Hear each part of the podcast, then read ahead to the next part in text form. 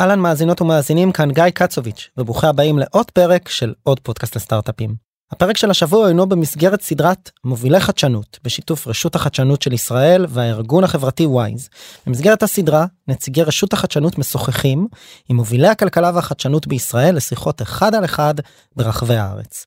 אנו בעוד פודקאסט לסטארט-אפים משדרים את השיחות האלה ונותנים לכן מאזינות ומאזינים גישה אליהן אצלנו בפודקאסט באופן בלעדי. אני מאחל לכם האזנה נעימה וכמובן שאם נהניתן ונהניתם מהפרק הזה אנא תשתפו. עוד פודקאסט? עוד פודקאסט. עוד פודקאסט לסטארט-אפים.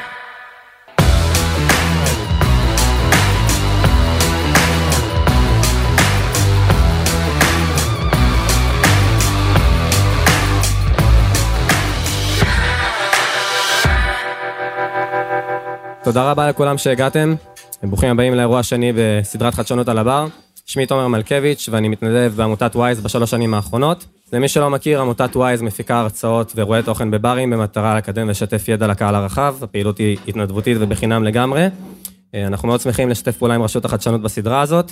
היום נמצאים איתי שגיא דגן, סמנכ"ל חטיבת האסטרטגיה ברשות החדשנות, ועדת אריאל בוכריס, שותפה מנהלת בכירה בקרן השקעות בלומברג קפיטל.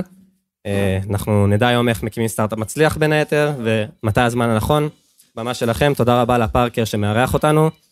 תהנו. ערב טוב. טוב, בואו בוא נראה קודם מי בקהל שלנו, לפני מי אנחנו, לא? קדימה. אתם יותר חשובים. קודם כל זה כאלה שאוהבים כדורגל והבינו שהיום אין כדורגל, אז באו לכאן. כל הכבוד. נכון? זה רשות החדשנות, הם אלופים בזה, מתכננים הכל. כן, הכל, הכל מתוכנן. למרות שאם היה פה אתמול, אז זה היה ריק. גם לא בטוח שהיו דוברים. או היו יותר נשים. אני כבר לא חושב שזה... זה לא עובד? במאה ה-21 נראה לי כבר לא. דבר חזק. אמ, טוב, בואו נכיר רגע את הקהל. אה, כמה יזמים יש פה? תרימו יד. וכמה כאלה שרוצים להקים סטארט-אפ? או. שם יש רוצות גם. אז תוציאו מחברת ועט. בואו נשאל את השאלה הכי מעניינת שאני אוהב לשאול אה, אנשים שמשקיעים בהון סיכון. מלל, האמת, למה אני יודע? כי גם אני עושה, גם אני שם הרבה כסף בחברות, וזה כיף, אה, זה כיף להשקיע בסיכון גבוה, כי אמנם יש לך את הצד של האי הצלחה, אבל מצד שני, אתה רואה שדברים יכולים באמת לשנות ו, אה, ולהשפיע ולבוא אחרת ומחוץ לקופסה, וזה כיף גדול. אבל איך בכלל מגיעים לזה? איך הגעת להשקיע בסטארט-אפים? טוב, זה סוג של... אה, תמיד הכל קורה בתכנון, אבל גם מאוד מאוד במקרה. אה, ואני בשוק הזה של ההשקעות והשקעות בטכנולוגיה, וכולם אומרים השקעות בטכנולוגיה, אבל תכלס, תכלס, זה השקעות באנשים. וזה הדבר הכי חשוב. אז אני עושה את זה כבר כמעט 30 אה, שנה. והתחלתי ממש במקרה. גרתי באמסטרדם. אה, לפני המון המון שנים, ובאותו זמן, הכל בסדר, חברים? אה, ובאותו זמן אה, אבי פתח חברה שהתעסקה בפיתוח עסקי לחברות טכנולוגיה בשוק היפני, והוא אמר לי, בואי רק לעזור לי קצת, תהיי איתי ככה כמה שבועות, תעזרי לי להקים את החברה. והכמה שבועות הזה הפך לעשר שנים, אפילו השארתי את חפציי שם, וחזרתי לכאן, ואז אה, פשוט דבק בי החיידק. כשעובדים עם אנשים שיש להם תשוקה אדירה למה שהם עושים, ויושבת פה אימא של יזם מאוד מצליח, של עידן שיזם את אקסדייט ועשה אקזיט למייקרוסופט, אז היא יכולה להגיד בעצמה מה הוא אכל כשהוא היה ילד וזה גרם לו להיות כזה, אבל זה חיידק. וכשאתה פוגש אנשים שיש להם תשוקה אדירה למה שהם עושים, אתה נדבק בשנייה, ואי אפשר לעזוב את זה. אז אני לא כל כך מוכשרת ולא לא מספיק אמיצה כנראה להקים אה, סטארט-אפ, אבל אני מאוד אוהבת ללוות את זה כבר מהשלבים הראשונים, ולעבוד עם יזמים, ולראות מה חסר להם ואיך משלימים את הפערים האלה, ויותר מהכל ללמד אותם לעשות את זה. אז אולי, אה, אולי גם מילה על, אה, על הקרן שלכם, זאת אומרת, במ... הייתי, רציתי לשאול במה אתם משקיעים, אבל אני חושב שהשאלה היותר מעניינת היא לא רק במה, אלא במי אתם משקיעים. נכון, אז הקרן שלנו היא, בלמבר קפיטל היא קרן מאוד ותיקה, היא הוקמה בסן פרנסיסקו ב-1991, חגגנו 30 שנה בשנה שעברה, והקרן קמה על ידי דיוויד בלמברג, בזמנו הוא היה עובד מספר 4 בצ'ק פוינט. התעסק בפיתוח עסקי של צ'ק פוינט בכל העולם והכיר את עולם ה software enterprise ומזה בעצם נולדה הקרן יחד עם אדמונד דה רוטשילד. הקרן משקיעה בסטארטאפיסטים בשלב המאוד מאוד ראשוני שלהם, פעם קראנו לזה שני יזמים וכלב, היום אנחנו כבר אומרים שני יזמים ומצגת או שלושה יזמים ומצגת. ואנחנו מלווים אותם מהשלבים הראשונים, ההשקעה הראשונה בחברה וממשיכים להשקיע עד IPO, שנה שעברה הייתה לנו חברה שהנפיקה בנסדק אחרי שהיינו מעורבים בה כמעט 14 שנה, השקענו בה שני מיליון דולר ובאקזיט שלה הוצאנו 900 מיליון דולר. החברה הנפיקה דאבל וריפיי, חברה ישראלית שאנחנו מאוד גאים בה, הנפיקה לפי כמעט שישה מיליארד דולר, עדיין שומרת על הערך שלה, עדיין, לא שישה אבל קרוב, כי זו חברה אמיתית עם revenues, מוכרת ב-400 מיליון דולר. אז כך שהמסלול של הקרן הוא מסלול מאוד ארוך, אנחנו משקיעים בחברות שמתעסקות ב-B2B, Business to Business Software, רק תוכנה, בכל התחומים. אני יכולה לומר לכם שיש לנו חברות שמתעסקות בעולם הלוגיסטיקה ו-Supply Chain Management, חברות שמתעסקות בעולמות של סייבר, בעולמות של דאטה, בעולמות של AI, בעולמות של רפואה דיגיטלית, בעולמות של פינטק, כמעט שליש מהפורטפוליו שלנו הוא פינטק, ובעצם כל מה שיכול לעשות טוב לעולם, דברים שהם must have, דברים שמקלים עלינו ולא דברים שעושים לנו נחמד. ואנחנו מאוד מאוד משתדלים לבחור ביזמים שיש להם את מה ש... what it takes, מה שצריך בשביל ללכת מהשלב המאוד ראשוני, דרך כל הקשיים והגרפים העולים ויורדים והפיקים האינסופיים של טלטלות ההייטק, עד השלב האחרון. לפעמים זה מצליח יותר, לפעמים זה מצליח פחות, אבל אני יכולה להגיד לכם אחרי כל כך הרבה שנים של פעילות, שזה מצליח יותר מפחות, אחרת לא היינו כאן. כן, זה, אבל זה גם סטטיסטיקה, זאת אומרת, זה מצליח יותר מפחות בסך הכל. אני יכולה להגיד לך שעד היום השקענו ב-200, אני מניחה שכן. אנחנו נפתח את זה לשאלות בסוף. נפתח את זה לשאלות. 250 חברות בערך, היום יש לנו כ-75 חברות פעילות. היו מעט מאוד חברות שסגרנו, יש שיגידו שסגרנו מעט מדי.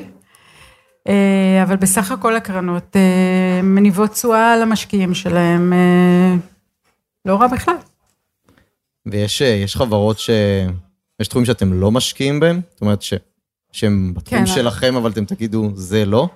אז דברים שהם, בוא נגיד, הפוטנציאל שלהם להגיע למיליארד דולר קטן, כי השוק הוא נורא קטן, כי זה פיצ'ר, כי יש לתחום הזה מתחרים רבים מדי, כי אנחנו לא מאמינים שזה, שיש בזה איזשהו חזון, אלא זה טרנד חולף, סביר להניח שאנחנו נגיד לא. אנחנו לא תמיד יודעים לזהות את זה בשלבים הראשונים, ותאמינו או לא, אבל לפעמים קורה מצב שבו היזמים עושים פיבוט. פיבוט זה אומר שהם יצאו לדרך עם רעיון אחד, ובמעלה הדרך ראו שהרעיון אולי קצת פחות מתאים לשוק, או השוק השתנה, כמו שאנחנו רואים היום, אנחנו בעצם נמצאים בזמן משבר, אנחנו רואים שהמון מוצרים הם כבר פחות רלוונטיים, שהשוק מחפש דברים אחרים, והיזמים משנים את המוצר, משנים את החשיבה שלהם, משנים את תמהיל העבודה שלהם, ואנחנו שם בשביל לעזור להם לעשות את זה דרך אגב. אני חייבת להגיד שזו גדולה של משקיעים, לאו דווקא שלנו, אבל יש הרבה בתעשייה, שיש להם את האורך רוח ואת הסבלנות, לבוא ולומר, אוקיי, זה לא מצליח, אבל אנחנו עדיין מאמינים באנשים האלה, אנחנו עדיין מאמינים ביזמים האלה, ונעזור להם לעשות את השינוי. זה עולה לנו הרבה יותר כסף, ולמשקיעים שלנו זה עולה יותר, אבל אם זה מוצלח, אז זה מוצלח הרבה יותר. זאת אומרת שבוחרים את האנשים שמשקיעים בהם בהתחלה, אז גם בוחרים את האנשים שידעו לעשות את הפיבוט. לגמרי, אתה בוחר את האנשים שבהתחלה, שהם קודם כל יודעים לעבוד אחד עם השני. יזמים שהם לא חברים, נכון? זה לא מצליח. יזמים שהם לא חברים ועברו כברת דרך ויש להם היסטוריה משותפת ויש להם, אה, לפעמים הם כאלה שהיו בצבא ביחד ויש להם גם שריטות משותפות והיו להם מטרות משותפות, דיברנו על זה פה קודם עם כמה אה, חבר'ה צעירים מגבעתי. אה, הסבירות שהם יצליחו היא יותר נמוכה. אבל כשהם באים איזושהי, איזשהו מחנה משותף, שדרך אגב, שכל אחד משלים משהו אחר בפאזל. כלומר, זה לא בהכרח שכולם טכנולוגיים, ולא בהכרח שכולם מנהלים גדולים. אנחנו מחפשים תמיד את התמהיל. שאחד ידע לקחת את המושכות בתחום של ה product, ואחד ידע לקחת את המושכות בתחום של הטכנולוגיה, והאחר ידע לקחת את המושכות בתחום של ניהול, והם יכבדו את המרות אחד של השני. כי מה שקורה במעלה, במעלה הדרך, אחרי שאנחנו אה, מסייעים להם לגייס את הסיבוב השני, לא את ה seed, אלא את ה-A-Round, הטייטל של יזם כבר לא משנה. זה כבר לא משנה מי הקים את החברה, זה כבר משנה מה אתה עושה בחברה. ואז זה נקודת המבחן של החברות הגדולה ביניהם. כי המנכ"ל הוא מנכ"ל, וה-say שלו, ומה שהוא אומר, זה בסוף השורה, השורה האחרונה, והתחתונה, והאחריות. ואם היזמים עדיין מסתכלים על עצמם כקבוצה אחת, ולא מקבלים את המרות, אז מתחילות הבעיות בחברה. ולכן האגו של השלישייה, או של הזוג, או של הרביעייה, יותר מזה כזה כבר הופך להיות מסובך, צריך להיות בצד. הקמנו, יש לנו מטרה, יש לנו חזון, אנחנו רוצים לטפס ולהגיע אליו, והדרך היחידה לעשות את זה, זה ביחד. זה, זה אומר שהתמהיל זה לא רק תמהיל של יכולות, אלא ש... שהאגו הנמוך זה, זה מאפיין שצריך להיות על כל אחד. לגמרי, זה, זה קודם כל חברות, זה קודם כל כבוד הדדי, זה קודם כל לדעת במה אני טוב ומה אני פחות טוב, ולדעת מתי להביא את העזרה הנכונה. אנחנו, תראה, בסוף אנחנו כמשקיעים לא אה, יושבים בכיסא של הנהג. ואנחנו תמיד אומרים להם, אנחנו בכיסא של התינוק מאחור. Okay, אוקיי? אתם בכיסא של הנהג, את, הרכב הוא שלכם. אנחנו בסך הכל בהון סיכון המשקיעים המשקיעי מיעוט. זה לא דומה לתחום ה private equity שהחברה היא כבר מאוד גדולה ומגיע משקיע עם המון המון כסף וקונה שליטה בחברה, לוקח את המושכות ולוקח אותה לשלב הפיננסי הבא שלה. משקיעי הון סיכון, אנחנו לוקחים את כל הסיכון ואת כל הכסף והם אומרים טוב יאללה אנחנו קופצים למים. אז הם, הם נוהגים ברכב והם החזון הוא שלהם ואנחנו פה בשביל לתת את, ה, את הכסף ואת כל מה שאנחנו מביאים עם הכסף. אני חושבת שזה מה ש... זה ההבדל בין קרן טובה לקרן אה, שהיא פחות טובה. אה, ודבר נוסף שאנחנו אומרים להם, שאנחנו פה לא בשביל הסנפשוט, אנחנו לא רק בשביל הארוחה בתום ההשקעה הראשונה, אנחנו פה בשביל הוידאו. והוידאו צריך להיות ארוך ומוצלח. תמיד אבל כשמשקיעים אה, בתחום הזה בפרט, אז אה, רוב התשובות שנותנים זה לא. כי רוב מי ש... זאת אומרת, בסוף יש deal flow מאוד גדול, ובוחרים בכמות אה, מאוד קטנה. אה, מניח שאתה גם יוכל לחלוק את המספרים, אבל יש גם החלטת לא שהיא החלטה יותר קשה, שזה להגיד לא למישהו שכבר אמרת לו כן מקודם. איך עם זה אתם מתמודדים? כן, אז תראה, אנחנו רואים בשנה כ-4,000 חברות. הקרן שלנו היא קרן גלובלית, יש לנו משרדים בסן פרנסיסקו, מיאמי, ניו יורק ותל אביב. משרד בתל אביב הכי טוב כמובן. אז אנחנו רואים בערך 4,000 חברות בשנה, מתוכם כאלף חברות בישראל, בתחומים שאני הזכרתי, אה, וכשאני אומרת רואים, זה מלקבל אקזקיוטיב סאמרי ראשון, בשלב הבא מצגת, בשלב הבא אחריו שיחת טלפון, בשלב הבא אחריו אה, אה, פגישה במשרד, בשלב הבא אחריו עוד פגישה ועוד פגישה ועוד פגישה עד שמגיע ה term sheet ואחריו ההשקעה. אנחנו שלפעמים, דרך אגב, לפעמים יזמים אומרים לנו לא. יזמים גם עושים due diligence על קרן. אבל השלב המסובך ביותר הוא לא השלב הראשון שבו אנחנו משקיעים בחברה, אלא השלב שבו החברה לא עומדת ביעדים שהיא הציבה לעצמה, ואנחנו רואים שגם עם הפיבוט יש התבחבשות יתר ואנחנו לא מאמינים יותר במוצר ואנחנו גם פחות מאמינים בדרך שהחברה הולכת בה, ואז אחרי שכבר שמנו בה את השלושה עד חמישה מיליון דולר הראשונים, אנחנו אומרים סליחה אבל לא יותר, לא תודה, זה כבר לא בשבילנו, אנחנו לא ממשיכים איתכם את הדרך. וזו הנקודה הכי קשה. ושם, אני חייבת להגיד, זה קצת כמו, אה, כמו להגיד לילדים, אה, מצטערים, אבל עכשיו אנחנו לא נעזור לכם, נעזור לאחר.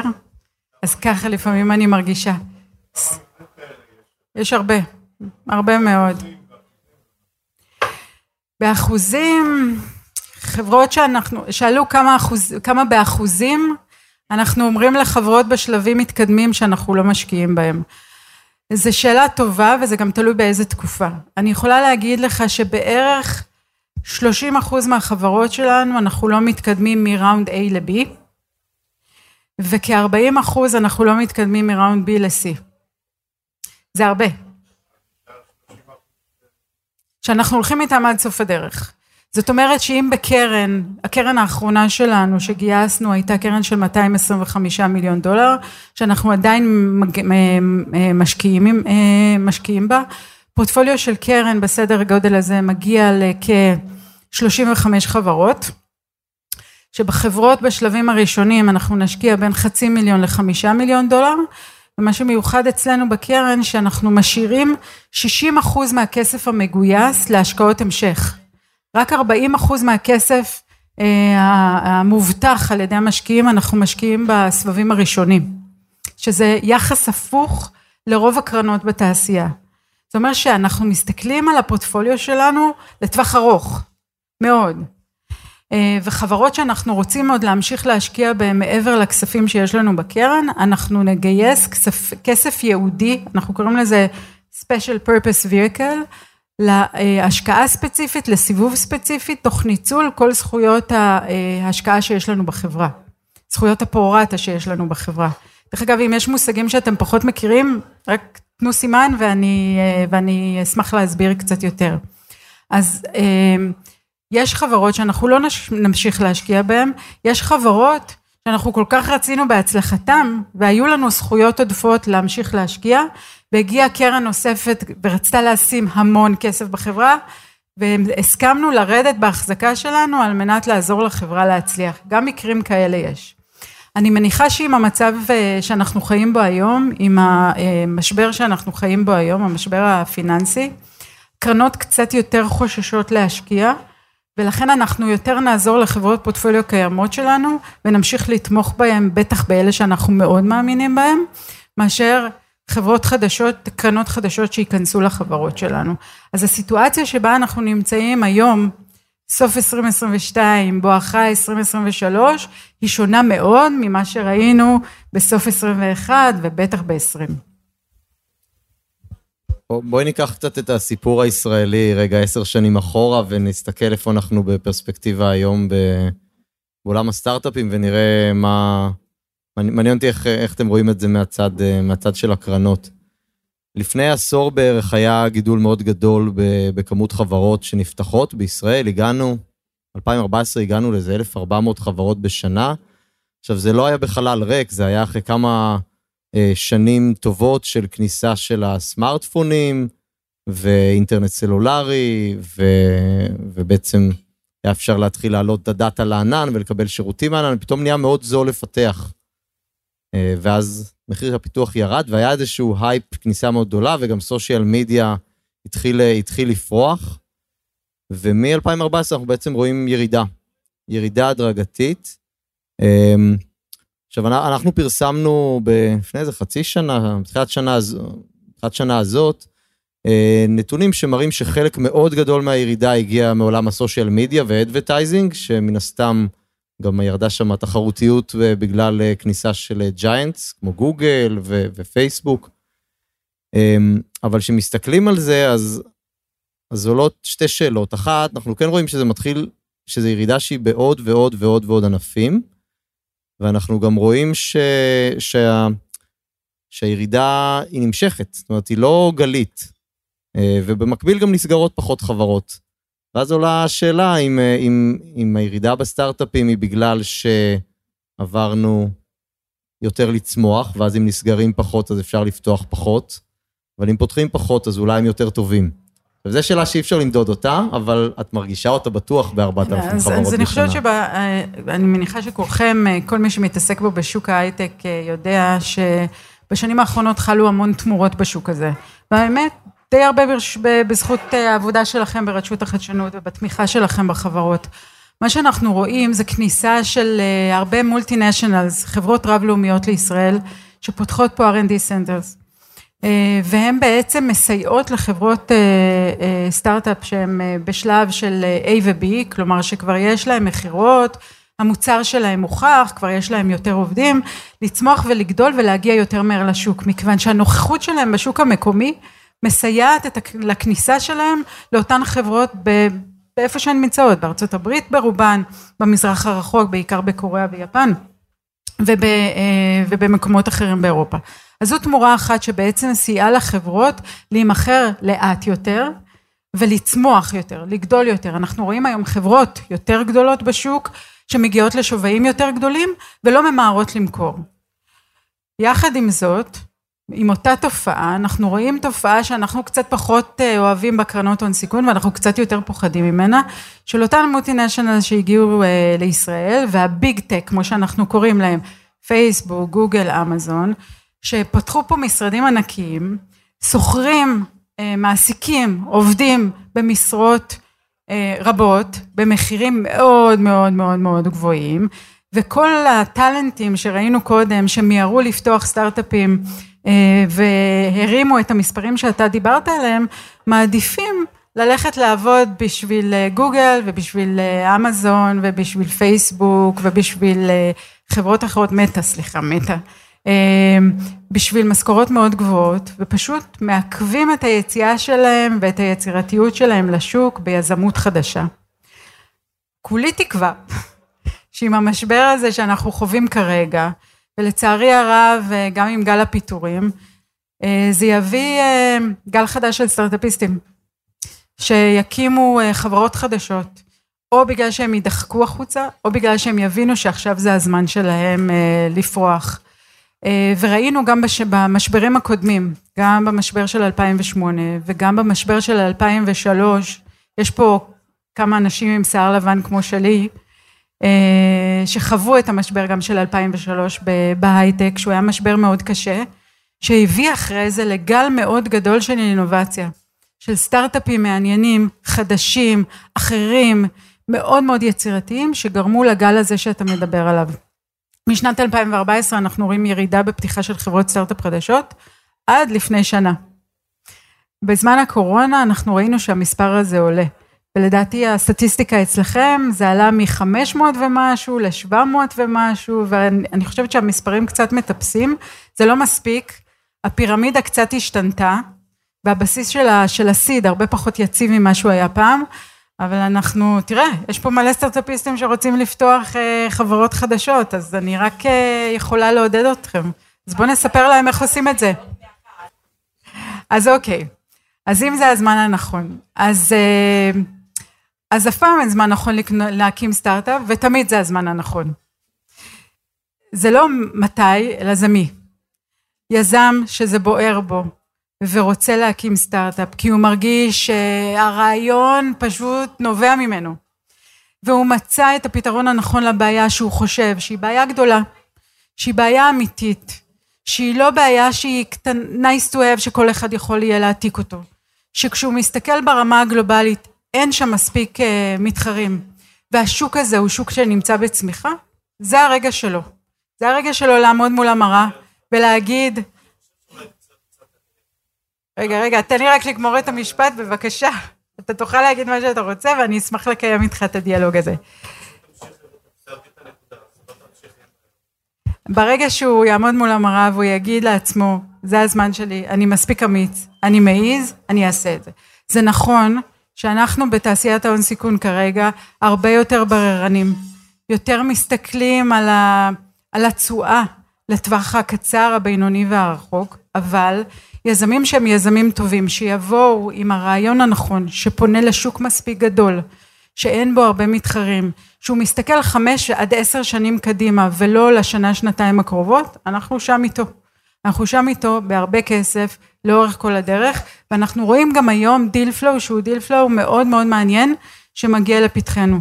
אז אם אתה שואל אם זה הזמן הנכון, אתה יודע, צריך להסתכל לעתיד. יש הרבה כסף בשוק, יש קרנות שגייסו בשנתיים האחרונות המון כסף, מי שיבוא עם הסיפור הנכון, עם הצוות הנכון, עם הברק בעיניים, יגייס.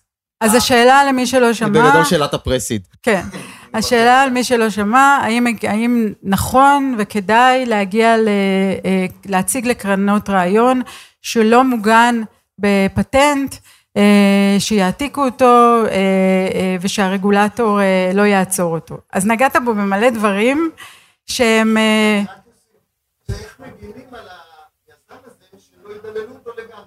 או, זה, שתי, זה, זה בעיה אחרת, זה, זה שאלה אחרת לגמרי, וזה נושא אחר, אבל ל, ל, לעניין שאתה שאלת.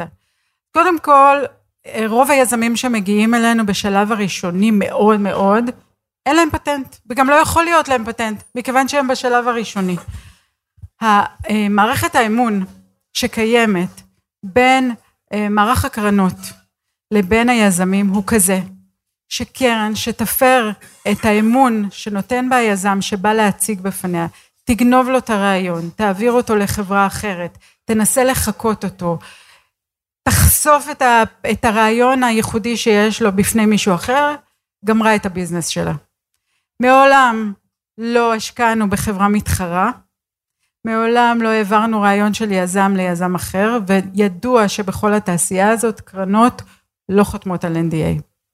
כשאתה רואה ארבעת אלפים רעיונות בשנה, אתה לא יכול לדעת בינואר מה תראה בדצמבר, ולכן אין מצב שאנחנו נגיע לסיטואציה שבה אנחנו נשבור את האמון מול יזם או קבוצת יזמים שמגיעה אלינו וננסה להזיק ל-IP שלו. אני יכולה לומר לך שמגיעים הרבה פעמים יזמים שחושבים שיש להם רעיון שהוא ייחודי חד פעמי ואנחנו כבר ראינו כאלה במקומות אחרים בעולם ולפעמים זה שובר את ליבי לראות את הפרצוף של היזם שאנחנו חושפים בפניו את האינפורמציה הזאת ואומר אוי לא. בעידן שבו אנחנו נמצאים היום, לעומת עשר שנים אחורה, כמו שאתה אמרת קודם, שבו היה הרבה יותר קשה, לחפש את האינפורמציה הזאת, היום הכל פתוח. נורא קל להגיע לאינפורמציה הזאת, ויזם שלא עושה מודיעין, ולא אוסף את הדאטה עבור הרעיון שלו לפני שהוא מגיע, ולא עושה את העבודה המאוד מאוד ראשונית, לא יקבל את תשומת הלב שלנו, כי אם הוא לא לוקח אותנו ברצינות, אנחנו גם לא ניקח אותו ברצינות. אני יכול להגיד שגם גם אצלנו, אצלנו הקושי הזה אפילו לפעמים קצת יותר גדול, כי... אצלנו הקושי הזה לפעמים הוא קצת יותר גדול, כי אנחנו אה, רואים גם אלפי אה, אה, יזמים וסטארט-אפים בשנה, והרבה פעמים כשאנחנו אומרים למישהו לא, אנחנו אפילו לא יכולים להגיד לו באופן מלא למה לא, כי חלק מזה זה בעצם שראינו את המתחרה שלו. אנחנו יודעים שהוא פחות טוב, אבל אסור לנו להגיד לו, אסור לנו לחשוף מידע עסקי. ו, וזה מאוד, מאוד קשה. זאת אומרת, זה קשה לבוא ולהגיד ל... זה קשה להגיד, זה קשה להגיד למישהו שהשקיע באמת המון עבודה, וזה אנשים מאוד מוכשרים, זה לא מתוך איזושהי אה, חוסר יכולת או, או חוסר אה, אה, הישג במה שהם עשו, אבל להגיד להם, אתם, אתם לא מספר אחד ולא מספר שתיים, ו... מספר שלוש, אתם, אתם כבר לא מספיק, אז זה... אז בואו נדבר רגע על השאלה השנייה, סליחה רגע, על השאלה השנייה שלך, איך מקימים סטארט, בשביל זה באתם, נכון? אני רואה שגם יש לך מחברת ועט. סטארט-אפ מצליח. אה, מצליח, וואו וואו. זה כאילו, קודם כל קונה כרטיס בלוטו. זה, זה בערך התשובה הכי טובה שאני יכולה לתת לך, אבל יש לזה, אני יכולה להגיד לך מה יעשה סטארט-אפ לא מוצלח. אוקיי? סטארט-אפ לא מוצלח זה צוות לא טוב. סטארט-אפ לא מוצלח זה סטארט-אפ שלא עשה את השיעורי בית שלו והקרן לא עשתה את השיעורי בית כמו שצריך. סטארט-אפ לא מוצלח זה סטארט-אפ שלא מגיע מספיק מהר לשוק. ולא פוגש את השוק בשלבים המאוד ראשונים ולפעמים פוגש אותו בתוך הקיר ומשנה את הרעיון ומתאים אותו למה שהשוק צריך לפתרון בעיה אמיתית, עמוקה. לא כי היה לך נורא כיף לחשוב על הרעיון ושרבטת משהו על נייר. מה שעושה סטארט-אפ מוצלח הוא עבודה מאוד מאוד מאוד סיזיפית ומאורגנת ומסודרת על הרעיון, על ה-go to market כמו שאנחנו קוראים לזה, אוקיי? איך אני ניגש לשוק, איך אני מציג את הרעיון לשוק, איך אני מגיע ללקוחות הפוטנציאליים בשלב הראשון, מה שאנחנו קוראים design partners. design partners זה אותם חברות אה, ולפעמים זה מנכ"לים בפורטפוליו שלנו שכבר השקענו בהם והם כבר נמצאים בשלב של מוצר ושוק והתקרבו לשוק, שמוכנים אה, אה, ללוות יזמים שרק מסתכלים על, בוחנים רעיון, ולבוא ולשאול אותם, מנכ"ל יקר, מנהל מוצר יקר, אני חושב לפתח א', ב', ג', ד', מה דעתך? היית קונה את זה? הוא יגיד לך כן, לא. כמה היית משלם עבור הדבר הזה? האם היית משלם על זה דולר? האם היית מכולן לשלם על זה 100 דולר? ואיפה הגבול הדק בין כן ללא? אוקיי? Okay? כשאתה עושה את כל עבודת ההכנה הזו ואתה מגיע למשקיע ואומר אוקיי אני פגשתי 100 design partners פוטנציאליים וזה מה שאנחנו רואים היום אנשים מאוד מאוד מאוד מתכוננים הם באים וא' בשוק הישראלי יש מלא design partners ויש מלא multinationals שעובדים פה שאתה אומר אני יכול לגשת אליהם בלחיצת לינקדאין. אין היום מישהו שהוא עובד בחברה רב-לאומית גדולה, שמגיע אליו רעיון מבריק והוא לא יענה לו. השוק הרבה הרבה יותר פתוח ממה שהיה פעם. לשבת עם design partners ולהגיד, אוקיי, מה שאתה יכול לגלות, כי החבר פה חושש אה, לגלות את הפטנט שלו. לבוא ולהגיד, זה היה הרעיון שלי. קונה, לא קונה. יכול להיות שתקבל 90 לא ו-10 כן. עכשיו אתה תחשוב עם עצמך, האם העשרה האלה שענו לי כן, זה מספיק לי בשביל להתקדם לשלב הבא של הרעיון? אם כן, אתה מתכנס עם הפרטנר שלך, בחדר סגור, יושב על השרטוטים, ומתחיל להקים דמו. מתחיל לחשוב איך אתה בעצם את הרעיון הזה פורט לכמה שורות קוד ראשונות ובודק האם זה, יש לזה היתכנות, אין לזה היתכנות. בה בעת, אם יש יזם שלישי שהוא יותר product oriented, אוקיי? יותר מתאים למוצר. הוא יושב וחוקר את השוק. הוא מסתכל מי המתחרים. הוא מסתכל האם יש מתחרים. הוא מסתכל מה עושות החברות הגדולות בעולם היום. האם באסטרטגיה שלהם יש כיוון למוצר הזה. האם מייקרוסופט או HP או סיסקו או כל חברה אחרת גדולה בעולם בתחום העניין שלו בוחנת את התחום הזה. מה אומרים מכוני המחקר הגדולים בעולם, גרטנר ו-CBI והמכונים האחרים, על הטרנד בעולם הטכנולוגי שבו אתה חוקר ועליו אתה רוצה להגיע. האם הם צופים שזה שוק בצמיחה? האם זה שוק שהגיע לאיזושהי רוויה וסטגנציה? האם זה שוק בירידה? ואז כשיש את אוסף כל הנתונים האלה, אתה עובר לשלב הבא. האם במסגרת ה network של השלישייה שהתגבשה, או הרביעייה שהתגבשה, או הזוג שהתגבש, יש את היכולת להביא את הצוות הנכון על מנת להקים את הסטארט-אפ הזה. האם יש את האנשי תכנות הנכונים? האם אנחנו יכולים להגיע לאנשי ה marketing הנכונים? האם אנחנו יכולים להגיע לאנשים שיעזרו לנו לעשות את ה business development? יושבים וחושבים במסגרת הצבא, במסגרת האוניברסיטה, במסגרת חברים של חברים, במסגרת אה, חברים של ההורים, זה לא משנה. לפנות לכל המעגלים הקרובים ולהגיד אוקיי, אם אני מסתכל שלוש שנים קדימה, איך תיראה החברה שאני חולם עליה? ואז אתה עובר לשלב הבא. זאת אומרת, אוקיי, אני אומרת, הצוות, הצוות הראשוני, זה מה שאמרתי, היזמים קיימים. הם עכשיו צריכים להביא מי מצרפים אליהם. האם מצרפים אנשי תוכנה ראשונים? האם, כמה אנשי תוכנה? האם הם צריכים אנשי? אה, האם הם צריכים אנשי דאטה? צריך לבנות את החזון של המוצר, מה, איזה כלים אתה צריך בשביל להגיע לפתח אותו. כדי להביא את המוצר הראשון לשוק, הפיילוט הראשון לאותו design partner שאמר כן אני קונה, להראות לו את זה ולהמשיך משם הלאה. או, ואז השלב הבא יהיה לבוא ולומר אוקיי, במסגרת כל הקרנות שאני יכול להגיע אליהן, מי השותפים? תחזרי לשאלה, אני כן. חושב שלא שמעו פה את השאלה. הש... לחזור על השאלה? כן. השאלה היא אוקיי, מה השלב הבא, נכון? אז אני יכולה לספר לך שאצלנו בקרן, אפרופו הצוות, אנחנו גייסנו לפני אה, ארבע וחצי שנים שהצוות בישראל התגבש, גברת אה, מהממת, שקוראים לה שרונה מזרחי, שהיא הייתה ראש מערך כוח אדם ב-8200 ופרשה מהצבא, והבאנו אותה אלינו, והמטרה שלה הייתה לעבוד עם אותם יזמים שחושבים להקים סטארט-אפ, על איך מגבשים את אסטרטגיית הכוח האדם בחברה. מי מגייסים קודם, הבכירים או הזוטרים? איך מקימים את הצוותים? האם צריך אנשי פיתוח ראשונים? יכול להיות שבכלל אנשי, צריך אנשי uh, קוד ראשונים, צריך, יכול להיות שבכלל אנשי marketing ראשונים. והיא בעצם יושבת ובונה איתם את כל הצוותים האלה. כמובן שאנחנו נעשה את זה יותר עם חברות שהשקענו בהן מאשר כאלה שלא השקענו בהן בגלל משאבים מוגבלים, אבל זה השלב השלישי שהייתי אומרת לאותו יזם שבא ואומר, נורא בא לי להקים סטארט-אפ. עכשיו, אם הסטארט-אפיסט הזה, או קבוצת הסטארט-אפיסטים האלה, מונעים מהרצון שלהם לשנות את העולם, נכון, גם כאלה אנחנו רואים, הם יצליחו. אם הם מונעים מהרצון שלהם לעשות כסף, אני יכולה להתערב איתך שהם לא יצליחו. ואז, רגע, אני רק אגמור, כי אני רואה שהוא רוצה לרשום. מה? זה יגיע אחר כך, כי גם אנחנו מונעים מזה. בואי, לא נתבלבל, אנחנו פה לעשות כסף למשקיעים שלנו. אבל בסוף הרצון הוא לשנות העולם, הרצון הוא להקים סטארט-אפ ולהגיד, אני יכול יותר מכולם.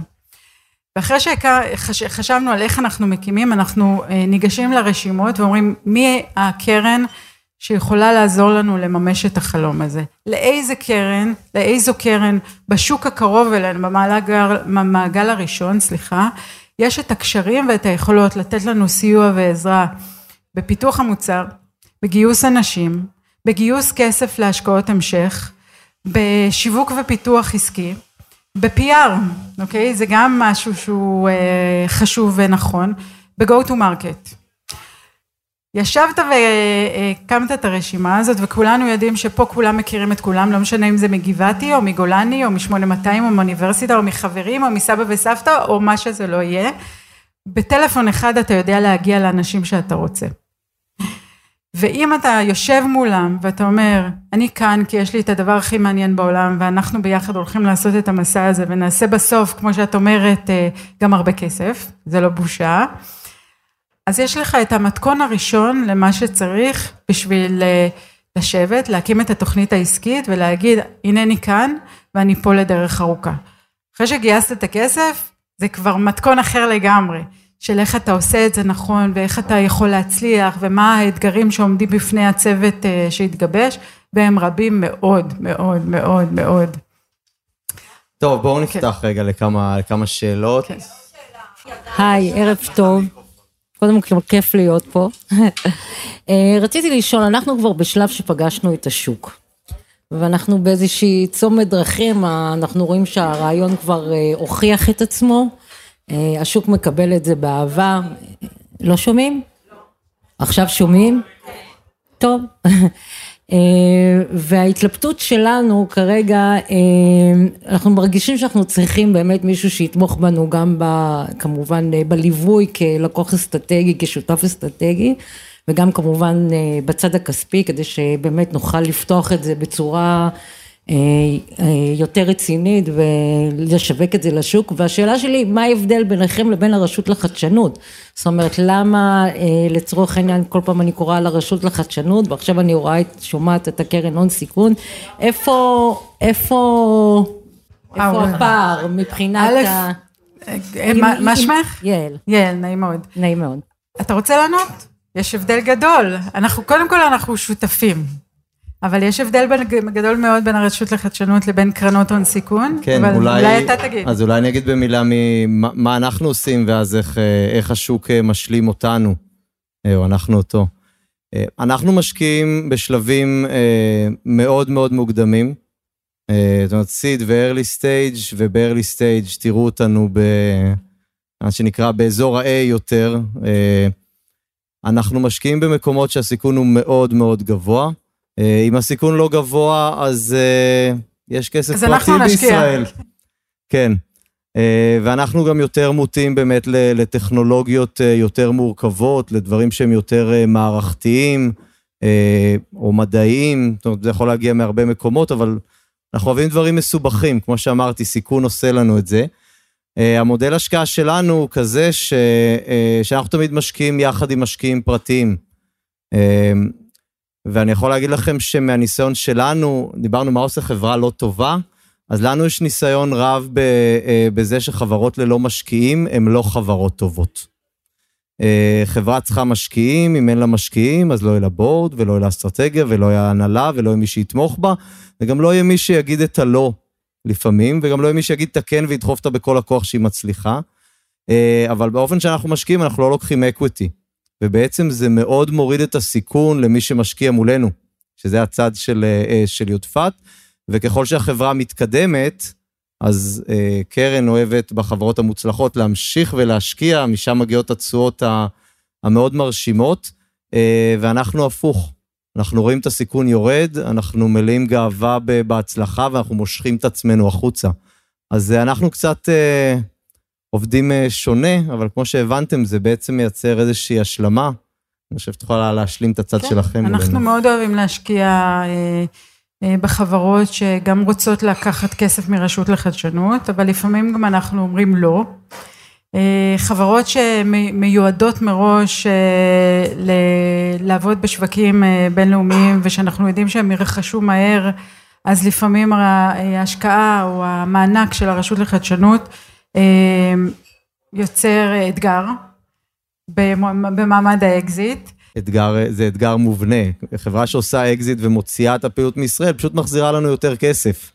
אבל היותר הזה הוא, הוא משמעותית יותר, והמטרה היא באמת שהמשקיעים יגידו לחברה, אל תיקחו כסף. בדיוק. אה, רשות לחדשנות משקיעה את הכספים של כולנו. כולכם שותפים. אה, כספים ש, של המיסים שלנו, זה, זה בעצם אה, הקרן של, של המדינה. והם עושים עבודה מעולה. אה, והבחינה שלהם הולכת רק ונהיית יותר ויותר מקצועית ולכן אנחנו גם לפעמים מסתמכים על הדוחות שלהם ויש בינינו הפריה הדדית מאוד אה, מאוד טובה אה, ואנחנו יושבים ביחד בוועדות של הרשות לניירות ערך ואנחנו מנסים לקדם ביחד את ההייטק בישראל אבל זה שתי גישות שונות מאוד להשקעה equity ו non equity ארוך טווח וקצר טווח ולכן יש פה השלמה אבל זה, זה, מהות, אה, זה מהות ההשקעה ב equity. השאלה שנשאלה פה, האם כשיש רעיון מעולה בשוק גדול אה, ומציגים לנו אותו, האם אנחנו מוכנים להיות שותפים לרעיון הזה ולהגן על אה, בעל הרעיון. אז קודם כל, אני, קודם כל מה שאנחנו עושים זה תמיד שותפות. אנחנו שותפים, שותפי מיעוט. לחברות, וזה מה שאנחנו עושים, זה הביזנס שלנו, להיכנס כשותפים לרעיונות של אחרים, הרעיונות הם לא שלנו.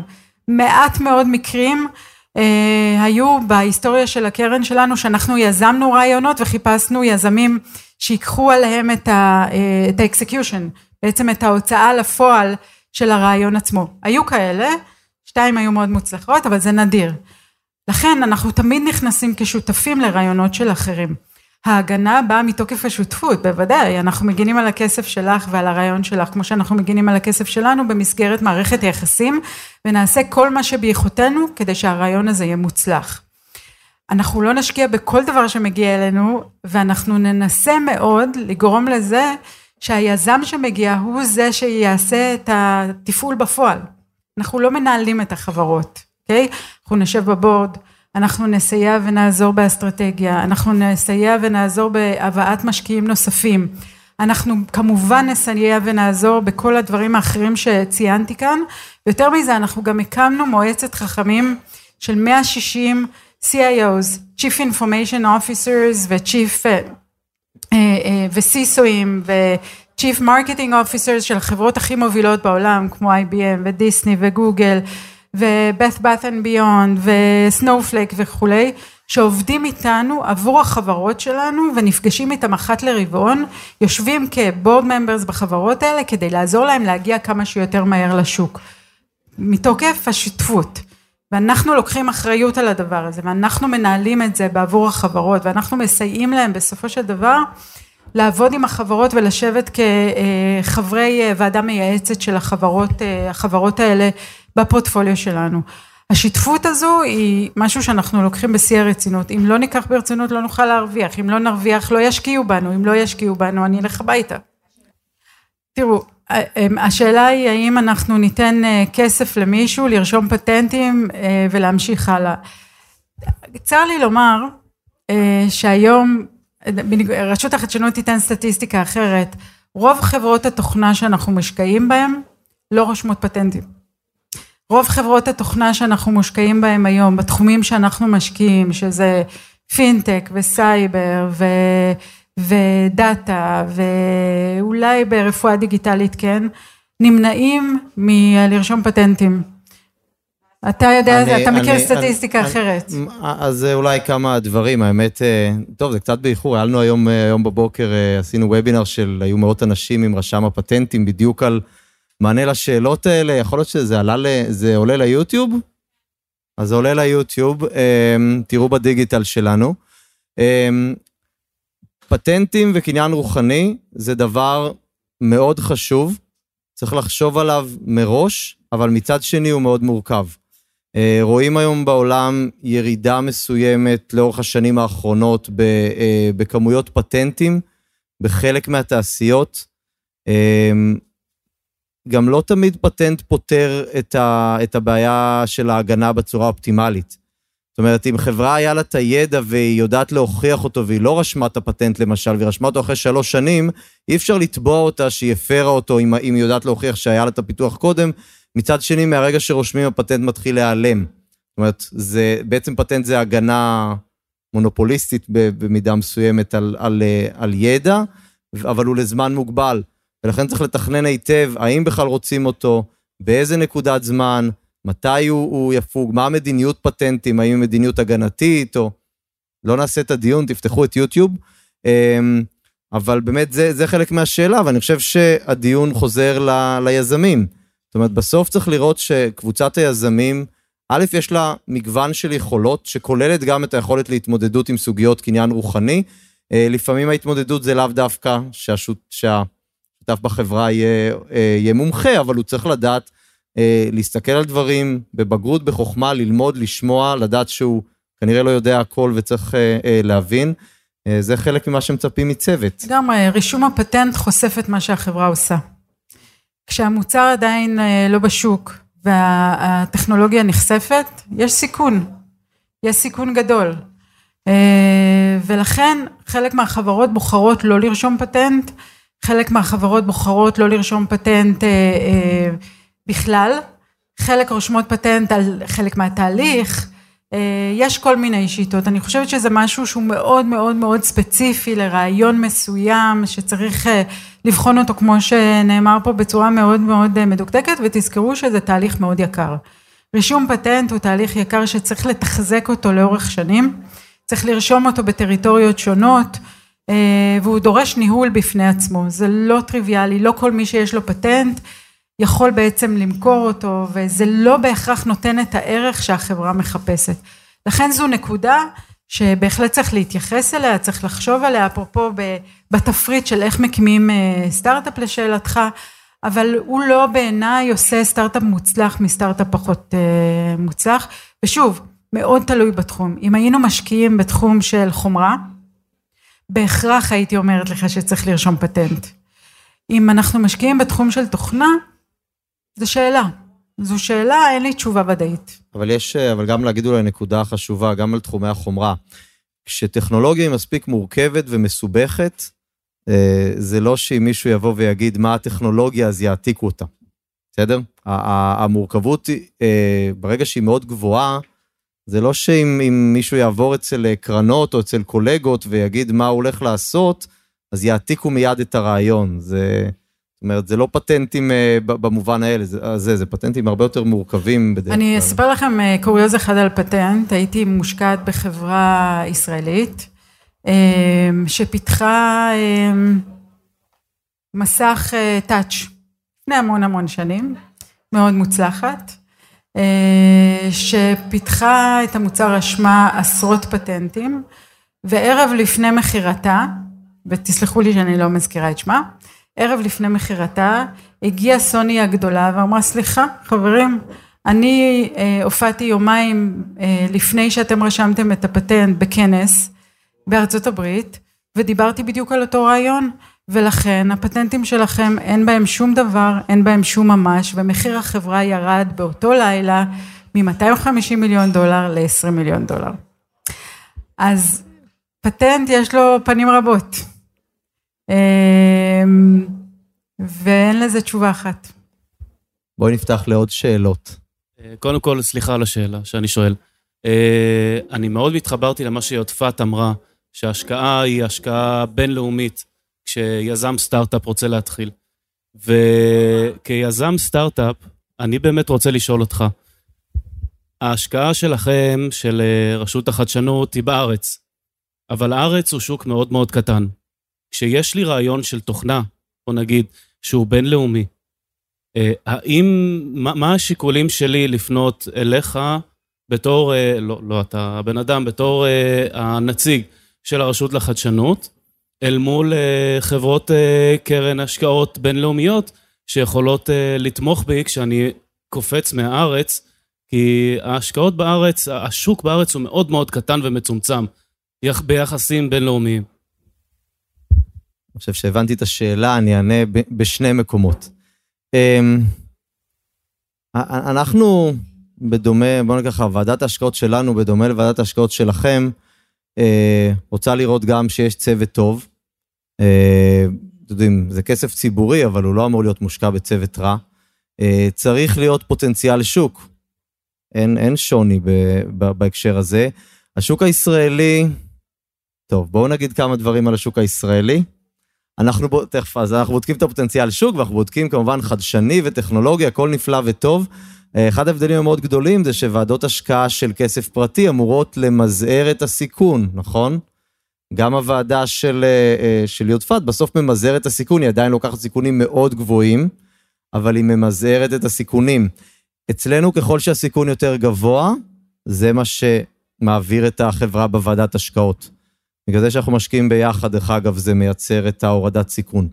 עכשיו בואו נדבר רגע על, באמת אז על פוטנציאל השוק, ונדבר על השוק הישראלי. אז, אז ב, אם הייתי צריך לתמצת את זה בשתי מילים, אז הייתי אומר, הייתי קורא לשוק הישראלי לא מעניין. כי הוא שוק קטן של מדינה שיש לה שפה מאוד נישתית, שתקוע בקצה העולם, באזור שאין לו שום לקוחות פה מסביב, אה, מסביב, והוא גם שוק, אה, אתם יודעים, מאוד אה, רגולציה ייחודית וכן הלאה. אז זה באמת בשתי מילים על השוק הישראלי, וכן אנחנו רוצים לראות שהחברות יש להן יכולת לצאת לשוק העולמי. אני כן אגיד כמה דברים מעניינים אולי יותר על השוק הישראלי, ו- ו- ואולי תרחיבי מה שאת מכירה מהחברות תוכנה. השוק הישראלי הוא קרוב, השוק הישראלי הוא, הוא, הוא קרוב גם ל-R&D, הוא מאוד נגיש, אתם יודעים, בישראל אתם יכולים להגיע לכל מקום די מהר, והוא מקום שהוא יכול להיות מאוד טוב אה, לסטארט-אפים בתחילת הדרך, אה, לבצע, לבצע פיילוטים, בדיקות, ניסויים. לא תמיד, כן, זה לא חל תמיד על הכל, לפעמים אתה רוצה דווקא לעשות את זה במקומות אחרים, אבל יש הרבה מקרים שהשוק הישראלי הוא, אה, אה, הוא נוח אה, לתחומים האלה. אנחנו רואים למשל בתחומי הבריאות, שהיום ארגוני הבריאות נהיו מקום שאפשר לייצר תיקוף שוק מאוד איכותי. גם לטכנולוגיה, גם להבנה איך עובדת הקליניקה, בסוף איך מטפלים בבני אדם, איך בני אדם מגיבים, לקבל הרבה מאוד פידבקים. אה, וגם יש הרבה, כמו שיודפת אמרה, בסוף חברות הרב-לאומיות שיושבות פה בישראל, הם בישראל. אה, אז השוק הישראלי הוא שוק מאוד, אה, מאוד ייחודי, אבל בסוף השקעה, שמסתכלים על הפוטנציאל שוק, אתם יודעים, שרה, פה יש כמה, תשעה מיליון, בעולם יש תשעה מיליארד, זה לא בדיוק כוחות. אל קרן אבל זה, זה, לא, זה לא נוגד אחד את השני.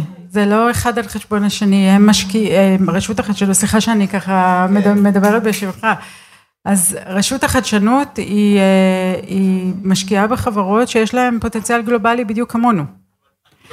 הם, אין להם סניפים, ברור, אין להם סניפים, ב, אני חושבת, בארצות הברית ובמזרח הרחוק. עדיין ו, לא. עדיין לא. תחשבו על זה, זה רעיון לא רע. אה, כדי לעזור אה, לפתח שוק, וזה גם לא התפקיד שלהם, ולכן זה תמיד בשותפות עם קרנות אחרות, כמו, ש, כמו שנאמר, הם מעדיפים להשקיע או לתת מענקים לחברות שיש להם משקיעים. וזה יכול להיות קרנות הון סיכון ישראליות וקרנות הון סיכון אמריקאיות כמונו. זה לא נוגד אחד את השני, אנחנו משקיעים באותו פוטנציאל. זה נכון שהם לעיתים לוקחים סיכון יותר גדול, חבל, זה כסף של כולנו, אבל uh, מזל אולי, כי אני יכולה להגיד לכם שמהניסיון שלי עם, עם הפעילות שלכם, בזמן הקורונה אתם הצלתם את השוק. כמות הכספים שהוזרמה מרשות החדשנות לחברות על מנת לעזור להם אה, להמשיך ולהתקיים, כי כולנו חששנו שזה המשבר הכי גדול שהולך להיות פה אה, לשוק ההייטק, ואלה היו שתי השנתיים הכי משגשגות של שוק ההייטק, היה בזכות, גם בזכות העבודה ש, שרשות החדשנות עשתה, ו, והם עשו עבודה מדהימה עם, עם המוסדיים הישראלים ועם קרנות הון סיכון ישראליות. ולכן יש פה שיתוף פעולה ויש פה, אה, אה, הייתי אומרת, אפילו עד רמה של ערבות הדדית. אה, אנחנו משקיעים איתם, הם משקיעים איתנו, וזה לא נוגד אחד את השני, ולכן אנחנו כולנו מסתכלים על השוק, השוק החיצוני. השוק הישראלי מבחינתנו הוא סוג של playground. סוג של מקום שבו ניתן לעשות פיילוטים, ניתן להבין את השוק. הלקוחות הישראלים, הצרכנים הישראלים וגם החברות הישראליות שלהם אה, אנחנו יכולים להשתמש כ design partners, הרבה יותר משוכללות ממה שהם היו בעבר, ואנחנו לא שונים בדפוסי ההתנהלות שלנו מחברות אה, זרות. ה multinationals קידמו את זה בהמון, הם פתחו את השווקים בעודם יושבות כאן, וכולן פותחות פה. ולכן אני חושבת שהיתרון של חברה שפותחת חברה בישראל ומסתכלת על השוק האמריקאי בתקופת ההרצה שלה, מקבלת פה גם מענה לפיילוט שהיא צריכה, אנשים מצוינים, קרנות מעולות, זרות וישראליות שפועלות פה בשוק ועוזרות לה לעשות את הדחיפה, וסבסוד או אה, סיוע או השקעה מהרשות לחדשנות שאין בהרבה מקומות אה, אחרים בעולם. לכן אני חושבת שזה מקום נפלא לפתוח פה סטארט-אפ. אני חושב שאפשר להגיד כמה דברים אולי מעניינים שאנחנו רואים על השוק הישראלי, ועבדנו גם מאוד קשה בשנים האחרונות, זה ה design partners, דיברנו על, על multinationals, אבל, וגם אתרי פיילוט, אז דיברנו יותר באמת ב, בעולם, אה, אה, שחקנים גלובליים, אבל השוק הישראלי מאוד מאוד נפתח. נתתי קודם את הדוגמה של ארגוני בריאות, אה, אבל היום אתם יכולים ללכת לחברת חשמל, וללכת למקורות, וללכת לנמל אשדוד, וללכת לעירייה, וללכת למטמנת זבל, וללכת לקבלן עבודות עפר, ואני לא צוחק, יש פה חברות מדהימות שעשו עבודה עם קבלני עפר, אתם יודעים, אלה שמזיזים מזיזים הרים כדי לייצר כבישים, וטכנולוגיות מדהימות ש, אה, שצמחו מהמקומות האלה. ובישראל יש משהו שדיברנו קודם על, על הצוות, כן? ישראל בונים צוותים מאנשים שהם מרקעים שונים, ו- והשכלה שונה, וניסיון שונה, ותחומים שונים, ואנשים יודעים לעבוד ביחד. אה, וזה משהו ש... שאנחנו רואים אותו כעוד איזושהי הזדמנות לגל נוסף של, אה, של, של הזדמנויות שקמות פה נכון. בשנים נכון. האחרונות. אני רוצה רגע ברשות, ברשותך שנייה עוד רגע, לחזור לשאלה שהאדון פה שאל אותי קודם לגבי הנושא של הדילול. אה, וזה גם אה, נוגע לשאלה שלך של איך מכירים סטארט-אפ ומה עושה סטארט-אפ מוצלח או לא מוצלח. אה, וברשותכם אני רוצה רגע לדבר על מה שקרה פה בשנתיים האחרונות, שבו אנחנו קראנו כל בוקר על חברה אחרת שעשתה אקזיט, או גייסה בהמון כסף, או הצליחה להביא עוד שותף בינלאומי שנכנס אליה לחברה. הסטארט-אפ שמתחיל את דרכו, ההמלצה שלנו אליו תמיד לא, לא למכור יותר מבין 25 ל-33 אחוז מהחברה. זאת אומרת שהיזמים נשארים עדיין בשליטה, זה אומר שיש להם כ-67 עד, אה, אני יודעת, 50 אה, ומשהו אחוזים בחברה ולא לוותר על השליטה שלהם. כדי שבסבבים הבאים הדילול שאתה דיברת עליו אדוני לא יהיה גדול מדי ועדיין יהיה להם מה למכור בחברה ויהיה להם כדאי להמשיך לעבוד בחברה מכיוון שהם בסוף מסתכלים על האקזיט הפוטנציאלי גם שלהם. זה מאוד משפיע על המהירות שבה הם ירצו למכור את החברה וזה מאוד משפיע על הקלות שבה הם ייגשו לסיבוב הבא. אנחנו ממליצים ליזמים היום אה, בסבבים הראשונים להסתכל על אופק השקעה ראשוני של 24 חודשים. לפני המשבר הכלכלי שבו, שאותו אנחנו חווים כרגע, אנחנו דיברנו על, על, על סיבוב הסיד של תקופת זמן שבין 12 ל-18 חודשים. היום אנחנו ממליצים להסתכל על אופק שהוא יותר רחוק, אנחנו לא יודעים מה יוליד המשבר הזה, ואנחנו מעדיפים שהם יתמקדו יותר בפיתוח ובהכנה לשוק, מאשר ברדיפה אחרי משקיעים וכסף. הוולואציות של החברות, השווי של החברות שאנחנו מסתכלים עליהן, שנגזר מכמות ההחזקות שהם מוכרים, כלומר חברה שרוצה היום להיפרד מ-25 מיליון דולר ומוצאת שהתקציב שהיא זקוקה לו הוא 4 מיליון דולר ל-24 חודשים, גוזרת את השווי של החברה בהתאמה. מה שקרה פה בשנתיים האחרונות, שאנחנו ראינו שבסבבים אה, שניים ושלישיים של החברה, קרי A ו-B, החברות כבר הגיעו לוולואציות מאוד מאוד גבוהות. יזמים גייסו מהשוק בין 25 ל-35 מיליון דולר בסבב שני, והגיעו לוולואציות שהיו קרובות מאוד למאה. מה שאומר שהם ילכו לבזבז הרבה יותר כסף, ייגשו לסיבוב הבא אחריו הרבה פחות מוכנים, מכיוון שזה יספיק להם לתקופה קצרה, הם לא יגיעו לכמות מכירות שהסבב הבא דורש מהם, ואז מה שיקרה, הם יספגו דילול יותר גדול, מכיוון שהסבב הבא יהיה ב valuaציה יותר נמוכה, ואנחנו כמשקיעים נספוג דילול יותר גדול, כי אנחנו כנראה נצטרך לגייס בשווי ערך יותר נמוך מהסיבוב שגייסנו לפניו. מה שנקרא אצלנו down round. זה מצב שאנחנו רוצים להימנע ממנו, זה מצב שהיזמים רוצים להימנע ממנו, ואני חייבת להגיד לכם שגם המשקיעים החדשים שרוצים להשקיע בחברה, לא אוהבים חברות לא מוצלחות. וחברה שמשנה את הוולואציה שלה ומורידה אותה בגלל שקודם היא הייתה, סליחה על המילה קצת חזירה מדי, לא מספיק אטרקטיבי למשקיעים חדשים לגשת ולהשקיע בה, אלא אם כן הם משקיעים שמשקיעים בחברות אה, כושלות כדי לעשות לה turnaround ולהקים אותה מחדש. לכן טיפ נוסף שאתה יכול להוסיף לרשימה, הוא אה, הנושא של הדילול והנושא של הוולואציה ולהסתכל לטווח ארוך. לא להסתכל לסיבוב, בלבד לסיבוב הבא אחריו. כל הזמן לחשוב שלושה צעדים קדימה. בפיתוח, בגיוס אנשים, בפיתוח המוצר וגם בגיוס הכסף. אז אני, אני אפנה את זה לעוד שאלה, אני רק אגיד בינתיים שגם כשאנחנו מסתכלים על זה, אה, כמו כל משקיע, אנחנו, אנחנו רוצים לראות שחברה מדללת, זאת אומרת, חברה שלא מדללת זה לא טוב. מצד שני, חברה שמדללת מהר מדי, זה גם לא טוב. לכן צריך לתכנן היטב ולהסתכל מספיק רחוק מצד אחד, ו- וכמובן לגזור את זה גם לתוך הצעדים הקרובים, איך מבצעים את, את מדיניות הגיוסים, הדילולים, השווים. אה, כן, שאלה. אני חושב שזה מתחבר למה שאתם דיברתם עליו עכשיו.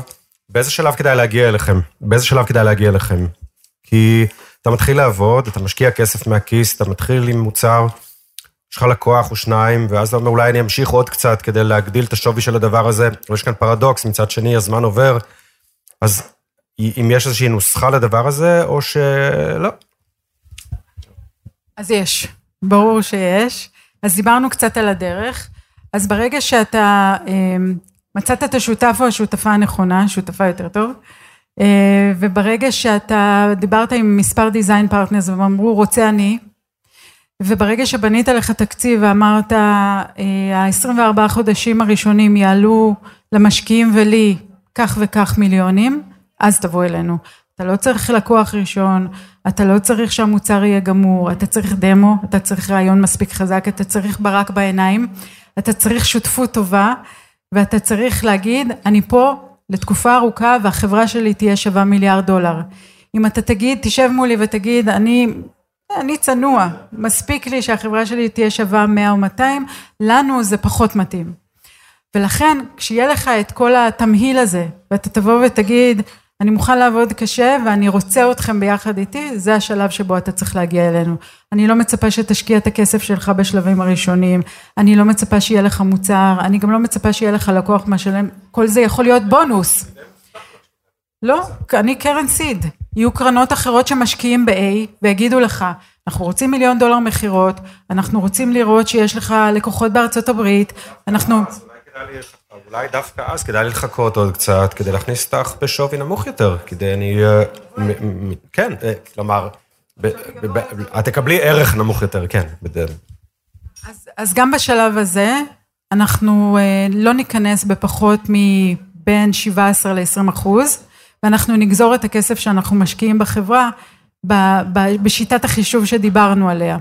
כרטיס הכניסה שלנו לחברה, כמו שאמרתי קודם, נע בין חצי מיליון לחמישה מיליון דולר.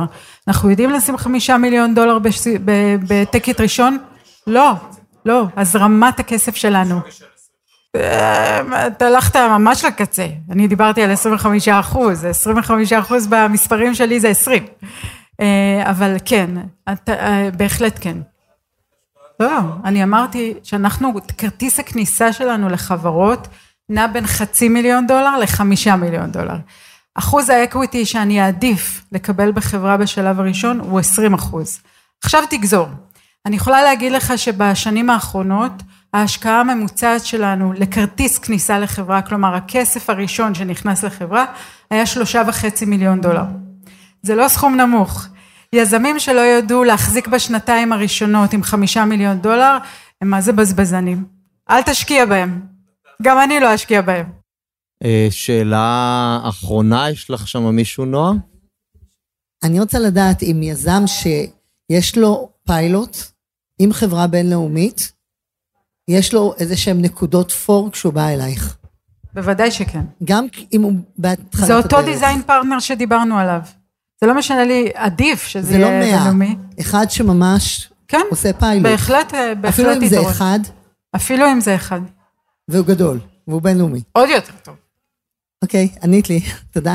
רק שלא יקנה אותך בסוף הפיילוט, כי אז זה פחות מעניין אותי. אהלן, אה, יודפת כנראה יותר רלוונטי אלייך, כי השאלה שלי היא, אם מגיעים עם רעיון שהוא לא חדשני, אלא שהוא מביא משהו שכבר קיים, אבל עם, execution, עם, אה, עם execution יותר טוב, בהנחה ומשקיעים ב, ממש בהתחלה, כשבאמת אין, אין הוכחה לא-execution, זה בעיקר הראייה, ראיית עולם. אני לא יודעת כמה מכם ראו אה, פרזנטציות של אה, חברות להשקעה. אני מניחה שיש כמה שראו. אז יש את השקף המפורסם הזה של שני צירים, נכון? שני צירים שמדברים על אה, מפת התחרות. והריבוע המועדף לחברות הוא תמיד הריבוע הימני, וכל החברות שמציגות הן תמיד בריבוע הימני העליון. כלומר, אין להם מתחרים, הם תמיד היחידים בשוק, אבל אז כשאנחנו לומדים וחוקרים, נדירים הרעיונות, לשאלתך, שאין להם באמת תחרות. נדירים הרעיונות שמגיעים לשוק בתולי לחלוטין, ואז כמשקיעים תמיד אנחנו אומרים, וואו, יש פה חינוך שוק אדיר, האם אנחנו באמת רוצים להיות בדרך הזאת? אז אנחנו גם נמצאים על הסקאלה הזאת בדילמה, ולכן אני מניחה שחברות שכבר מגיעות אלינו, שיש להן רעיון דומה לחברות אחרות, שלא לומר זהה, פחות מעניין. אבל חברות שמתעסקות בשוק דומה, אבל יודעות לפתור את זה יותר טוב, יותר זול, יותר מהיר, שאני מניחה שזה האקסקיושן שדיברת עליו, יעניין אותנו מאוד להסתכל על זה. אני לא מבטיחה שנשקיע, אבל אם אתה שם ברב... ברביע הימני למעלה, תבוא. שאלות נוספות? סיימנו? אה, אנחנו רוצים להגיד לכם, לשניכם תודה ענקית, ממש, על ההסכמה להגיע הערב.